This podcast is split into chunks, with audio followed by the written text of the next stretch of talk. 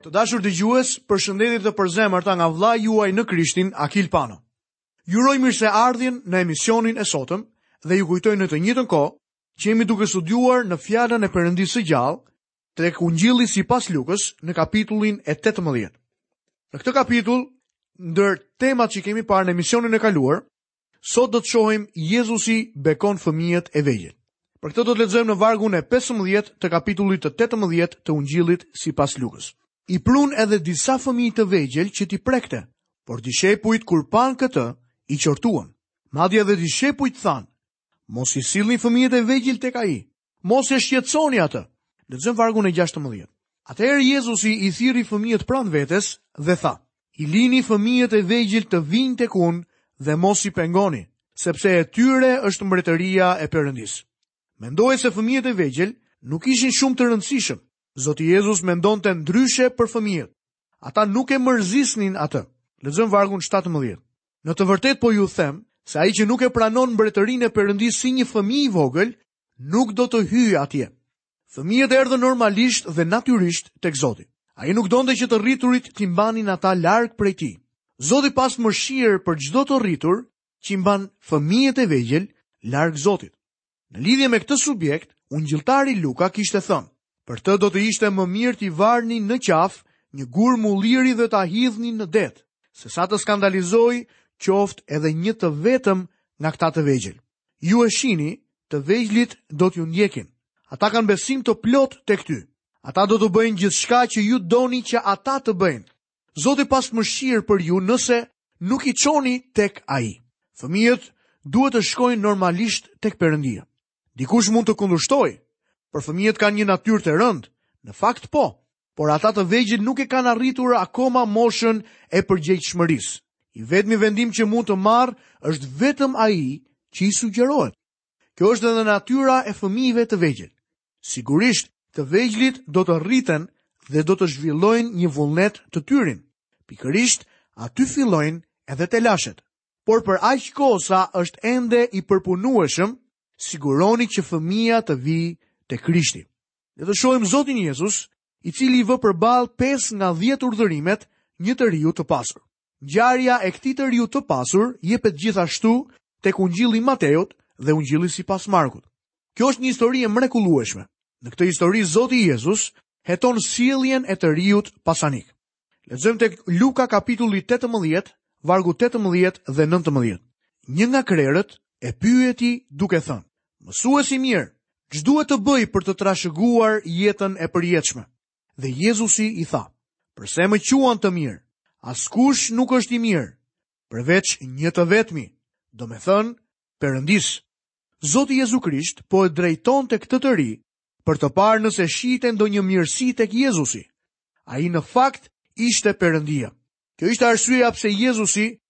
e nxiti të riun që ta ndiqte. Kjo do ta çonte atë të pranonte Krishtin ashtu siç dishepujt e tij e kishin pranuar si Krisht, Birin e Perëndisë së gjallë.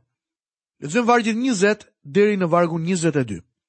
Jezusi i tha: Ti i njeh urdhërimet, mos shkel kurorën, mos vrit, mos vidh, mos thuaj dëshmi të rreme, ndero atin tënd dhe nënën tënde.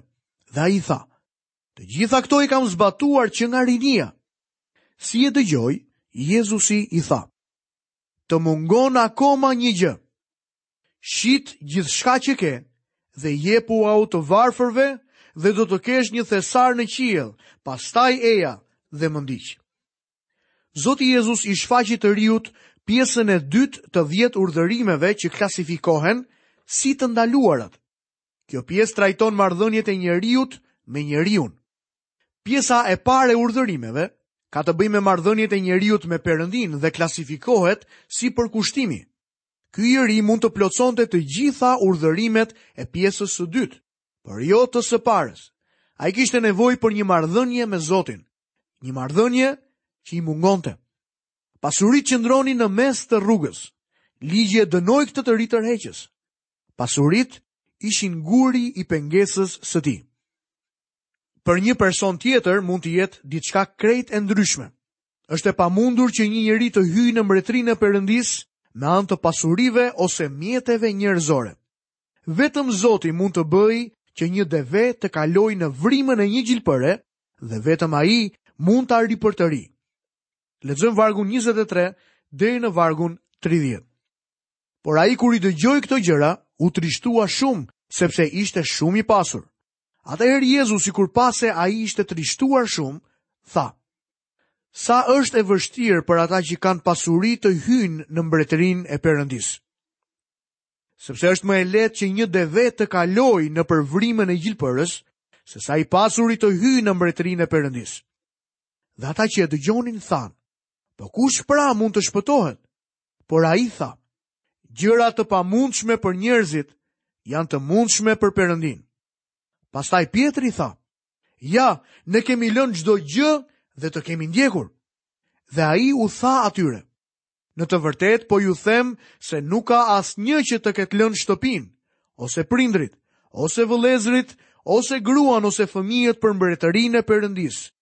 që të mos marrë shumëfish në këtë kohë dhe në kohën e ardhshme jetën e përjetshme. Pavarësisht nga mungesa e gatishmërisë në jetën e këtij njeriu, thuhet se Jezusi e deshi atë, pasuritë e ndanë këtë të ri nga Jezusi. Nëse do të kishte ndjekur Jezusin, do të kishte ardhur te kryqi për pendesë, sepse Krishti në këtë kohë ishte shumë afër kryqit. Kush ishte ky i ri? Nuk e di në të vërtetë se kush ai ishte. Ti mund të jesh si ai sot. A e ndoqi ai Zotin Jezus më vonë? Shpresoj që po. A do ta ndjekësh ti Zotin Jezus sot? Ai të do ty. Lexojmë më poshtë dhe do të shikojmë se si Jezusi shëron njeriun e verbër në hyrje të qytetit të quajtur Jeriko. Përpara se të shojmë këtë ngjarje, Dua të përmend se kritikët e Biblës gjejnë në të një kontradikt sepse Mateu flet për dy të verbër, ndërsa Marku dhe Luka përmendin vetëm njërin. Gjithsesi, nëse do ta lexoni pasazhin me kujdes, do të shikoni se Mateu dhe Marku, siç duket, i referohen një shërimi që u bë ndërkohë që Jezusi po largohej nga Jeriko. Bartolomeu, njëri nga dy të verbërit, ai që thirri Jezus biri i Davidit, përmendet veçanërisht tek Ungjilli sipas Markut në kapitullin e 10 dhe vargun 46. Shërimi i përshkruar tek Luka nga vargjet 40 dhe 43 ndodhi përpara se Jezusi të hynte në Jeriko. Ky njeri përdor gjithashtu formën e njohur të drejtimit bir i Davidit. Lexojmë në kapitullin 18 nga vargjet 35 deri 37. Tani ndërsa po i afrohej Jerikos, një i verbër ishte ulur përgjatë rrugës dhe po lypte. Dhe kur dëgjoi se po kalonte turma, pyeti çfarë ishte. Iu përgjigjën se po kalonte Jezusi nga Nazareti. Duke iu drejtuar Jezusit, biri i Davidit, ai e pranonte atë si mbret. Ai e dinte se Jezusi ishte i aftë ta shëronte, kështu që ishte e pamundur ta bëje të verbrin të pushonte. Ai e dinte çfarë kërkonte dhe kishte besim të madh tek Jezusi. Jezusi e trajton këtë të verbër me butësi dhe drithërim. Lexojmë më poshtë nga vargjet 38 deri 43 të kapitullit të 18 në Ungjillin sipas Lukës. Atëherë ai bërtiti duke thënë, O Jezus, biri i Davidit, ki mëshirë për mua. Ata që ecnin përpara, i bërtitën të heshte, por ai bërtiste edhe më fort. O bir i Davidit, ki mëshirë për mua. Atëherë Jezusi ndaloi dhe urdhëroi t'ia sillnin dhe kur ai iu afrua, e pyeti duke thënë, çfarë dëshiron të bëj për ty? Dhe ai tha, Zot,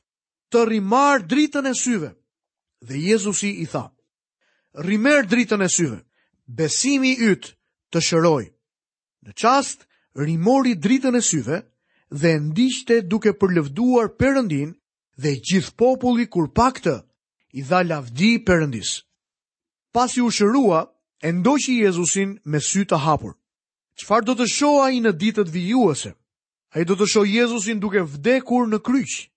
Turma të tëra njerëzish me shikimin mjaft të qartë nuk e kanë parë akoma vdekjen e Jezusit në kryq, të lidhur me jetët dhe me faljen e mëkateve të tyre. Nëse edhe ti nuk e ke parë ende, atëherë shiko dhe jeto. Këtu kemi përfunduar studimin e kapitullit të 18 dhe do të vazhdojmë studimin tonë me kapitullin e 19 të Ungjillit sipas Lukës. Tema e kapitullit të 19 është Jezusi hyn në Jeriko në shtëpinë e Zakeut. Besimi i Zakeut, shëmbëlltyra e 10 minave, Jezusi hyn në Jeruzalem, Jezusi qan mbi qytet dhe Jezusi pastron tempullin. Le të shohim Zotin Jezus i cili hyn në Jeriko në shtëpinë e personit të quajtur Zake. Mbani mend se në kohën e kësaj ngjarjeje, Zoti Jezu Krisht ndodhet në rrugën për në Jeruzalem për të vdekur në kryq. Lexojmë nga Ungjilli sipas Lukës, kapitulli 19, vargu i parë. Pastaj Jezusi hyri në Jeriko dhe po kalonte nëpër qytet.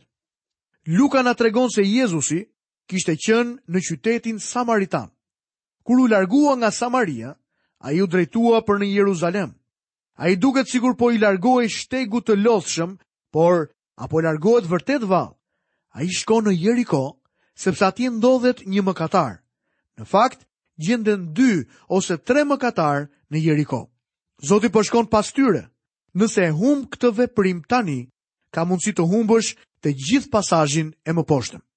Jeriko ishte qyteti që Zoti e kishte dhënë në duart e Jozueut. Mbi këdo që do ta rindërtonte këtë qytet, ishte vendosur një mallkim. Njeriu që e rindërtoi atë në ditët e Ahabit, korri mallkimin në plotësinë e tij. Në ditët e Jezusit, ai vend ishte si një zonë ngushëllimi. Shumë njerëz i kalonin pushimet e tyre aty, edhe tagrambledhësit jetonin aty. Tagrambledhësit ishin si mafia moderne e ditëve tona. Ata ishin mbledhës taksash dhe përbuzeshin nga masa e gjërë e popullit. Na thuhet se Jezusi hyri dhe kaloi nëpër Jeriko. Ai gjithashtu hyri dhe kaloi në këtë botë. Ai nuk erdhi në tokë për të ndenjur, por për të vdekur. Unë hyra në këtë jetë për të jetuar dhe do të më pëlqente të jetoja gjatë. por qëllimi i vetëm i ardhjes së Jezusit në tokë ishte për të vdekur për mëkatet e botës. Ky veprim i tmerrshëm është pasqyruar në faktin që Jezusi hyri dhe kaloi nëpër Jeriko. Mos e humbni këtë fakt. Lexojmë vargun e dytë. Dhe ja, një njeri i quajtur Zake, i cili ishte kryetari i tagrambledhësve dhe ishte i pasur. Në vargun 2 për këtë njeri thuhen tri gjëra. Shpirti i shenjtë ka një mënyrë me një vringëllim të penës për të na treguar gjithçka që kemi nevojë të dimë për këtë person. Gjëja e parë që mësojmë për këtë njeri është se ai quhet Zake. Kur zbulova se emri i tij do të thoshte i pastër, fillova të qeshja, dhe gruaja ime erdhi të zbulonte arsyen e qeshjes time. Imagjinoni një tagrambledhës që ishte i pastër. Ai emër ishte vendosur kur ishte ende një bebe.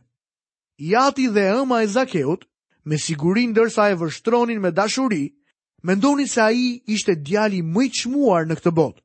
Po kur ai u rrit, ma merr mendja se në Jeriko bëhej gallatë e madhe sa herë që e thërriste dikush.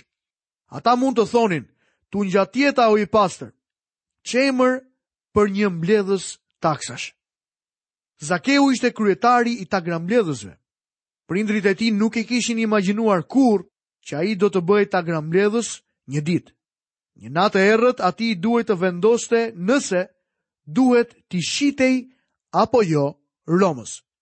Si tagrambledhës, ai duhet t'i paguante Romës një shumë të përcaktuar për territorin ku do të mblidhte taksat.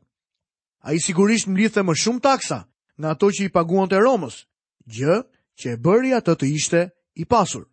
Zakeu ishte kryetari i tagrambledhësve, Ai kishte hequr dorë nga besimi i tij. Ai nuk mund të hynte më në tempull. Ai ndoshta ishte tagrambledhësi që qëndroi diku tutje dhe rrihte kraharorin me grushte, ndërkohë që thoshte: Zot, ji i mëshirshëm ndaj mua mëkatarit. Zakeu kërkonte një vend mëshire tek i cili mund të vinte si mëkatar i mjerë. Ai donte të kthehej tek Zoti. Zakeu ishte i pasur. Atë e shpërblente profesioni i tij. Ai nuk e drejtonte biznesin e tij pa qejf. Nëse do të shkonte të mblidhte taksat në shtëpinë e një vejushe që nuk mund të paguante, do ta nxirrte atë jashtë shtëpisë. Nëse një njeri nuk mund të paguante aq sa duhej, ai do të merrte hipotekën e atij vendi. Zakeu kishte grabitur shumë njerëz, edhe pse dikur kishte marrë vendimin për t'u bërë tagrambledhës, Zbuloi se gjithë pasuria e botës nuk mund të kënaqte zemrën e tij. Ai dëshironte të kthehej mbrapa dhe të fillonte jetën nga e para. Ai kishte zbritur poshtë nëpërmjet një rruge dhe nuk dinte asnjë rrugë për t'u kthyer mbrapsht tek vendi i mëshirës. Ai kërkonte mëshirë dhe Zoti ynë e dinte këtë gjë. Kjo është arsyeja që shkoi në Jeriko për ta ndihmuar. Ai dëshironte ta merrte Zakeun me vete, jo në Jeruzalem, por te kryqi i shpëtimit. Lexojmë vargun e tretë. Ai kërkonte të shihte kush ishte Jezusi, por nuk mundte për shkak të turmës, sepse ishte i shkurtër nga shtati. Një miku im që është profesor seminaresh ishte në mëdyshje nëse në Jeriko ishin dy apo vetëm një i verbër. Problemi i tij është se Mateu na tregon për dy të verbër që shërohen në Jeriko, ndërsa Luka flet vetëm për njërin. Unë duke bërë shaka i thashë se mund ta vërtetoja nga Bibla që ishin dy të verbër. I verbri i dytë ishte Zakeu, sepse Bibla thotë se ai nuk mund të shihte për shkak të turmës. Ai ishte një burrë i shkurtër. Ai kishte sy, por turma e madhe e pengonte të shihte. Ai bëri atë që bëj unë çdo vit për vitin e ri në paradën e trëndafilave. Ngjitem në një shkallë dhe shikoj mbi kokat e personave përpara meje në paradë. Zakeu nuk mundi të gjente dot një shkallë, kështu që hipi në një pemë fiku. Lexojmë vargun e katërt. Atëherë rendi përpara dhe u ngjit në një fik për ta parë, sepse ai duhet të kalonte andej. Kur isha në Jeriko, i pashë me vëmendje pemët e fiqve të atij vendi. Pema kishte një lëvore të lëmuar dhe ishte mjaft e vështirë sa të arrije tek dega e parë. Kjo pra nuk ishte një pemë e lehtë për t'u ngjitur dhe ma merr mendja se Zakeu i shkurtër është përpjekur shumë për t'u ngjitur në një pemë të tillë. Zakeu u bë ujë në djersë, por më në fund hipi në pemë dhe u ul në një degë midis gjetheve. Mendoi që ishte i izoluar aq sa duhet dhe se kishte një pamje private të asaj parade. Priti, dhe sigurisht që Jezusi kaloi aty. Zoti ynë e dinte që ai, Zakeu, ndodhej atje. Jezusi po kalonte nëpër Jeriko për të arritur te ky individ. Lexojmë vargun e pestë. Dhe kur Jezusi arriti në atë vend, i çoi sytë, e pa dhe i tha, Zake, zbrit shpejt poshtë, sepse sot duhet të rri në shtëpinë tënde. Mendoj se kur Zoti ynë ka parë pemën e fikut dhe Zakeun e ulur në të, ka qeshur. Është e vërtetë që teksti nuk thotë diçka të tillë, por është e vështirë ta lexosh këtë ngjarje pa parë pak humor në të. Zoti pa drejt asaj peme duke thënë, Mirë Zake, ti doje të më shikoje, ti u përpoqe shumë për të hipur në atë pemë, por tani nxito dhe zbrit poshtë, të nxitonte? Këtij djali të shkretë i ishte dashur gjysëm dite për të hipur në pemë, por nuk harxhoi shumë kohë për të zbritur. Gjithmonë është më e lehtë të zbresësh sesa të ngjitesh. Zoti ynë i tha atij, Dua të rri në shtëpinë tënde. Zoti Jezus nuk ndaloi në shtëpinë e një fariseu. Ai nuk ndaloi në shtëpinë e ndonjë njeriu me rëndësi. Ai po shkonte në shtëpinë e një tagrambledhësi. Lexojmë vargun 6 dhe 7. Dhe ai zbriti me nxitim dhe e priti me gëzim. Kur panë këtë, të gjithë murmuritën duke thënë, ai shkoi të rrijë në shtëpinë e një njeriu mëkatar. Zakeu po kënaqej, për atë ishte një rast i gëzuar, dita më e madhe e jetës së tij. Por të tjerët ishin duke murmuritur. Kush ishin ata? Ata janë turma llafazane.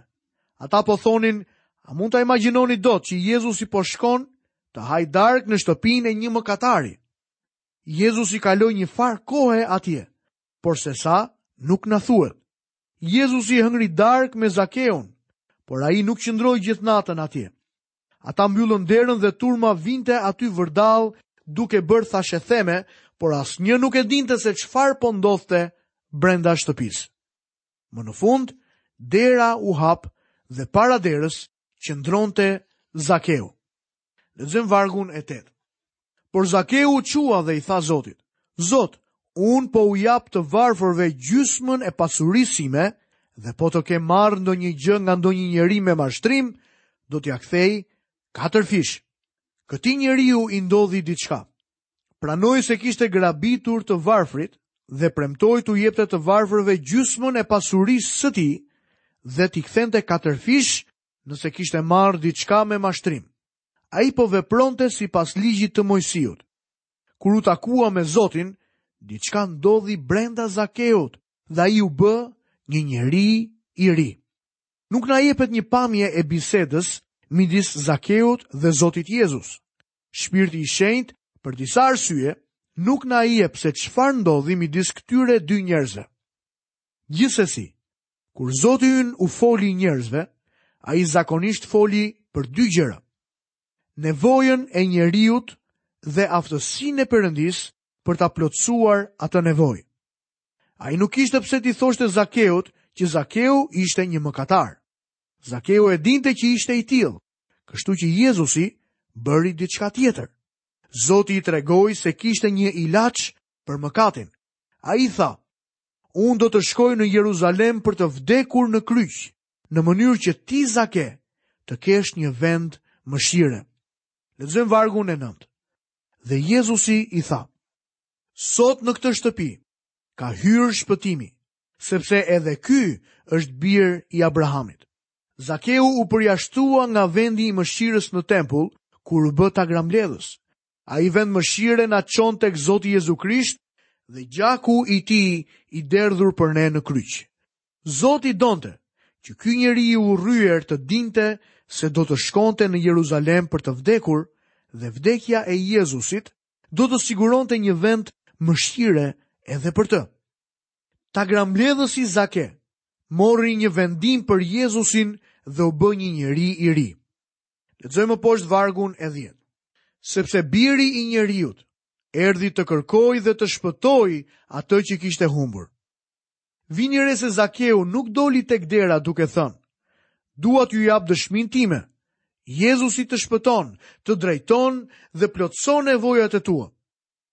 Por në fakt, ai tha, do t'ju jap gjysmën e pasurisë time të varfërve.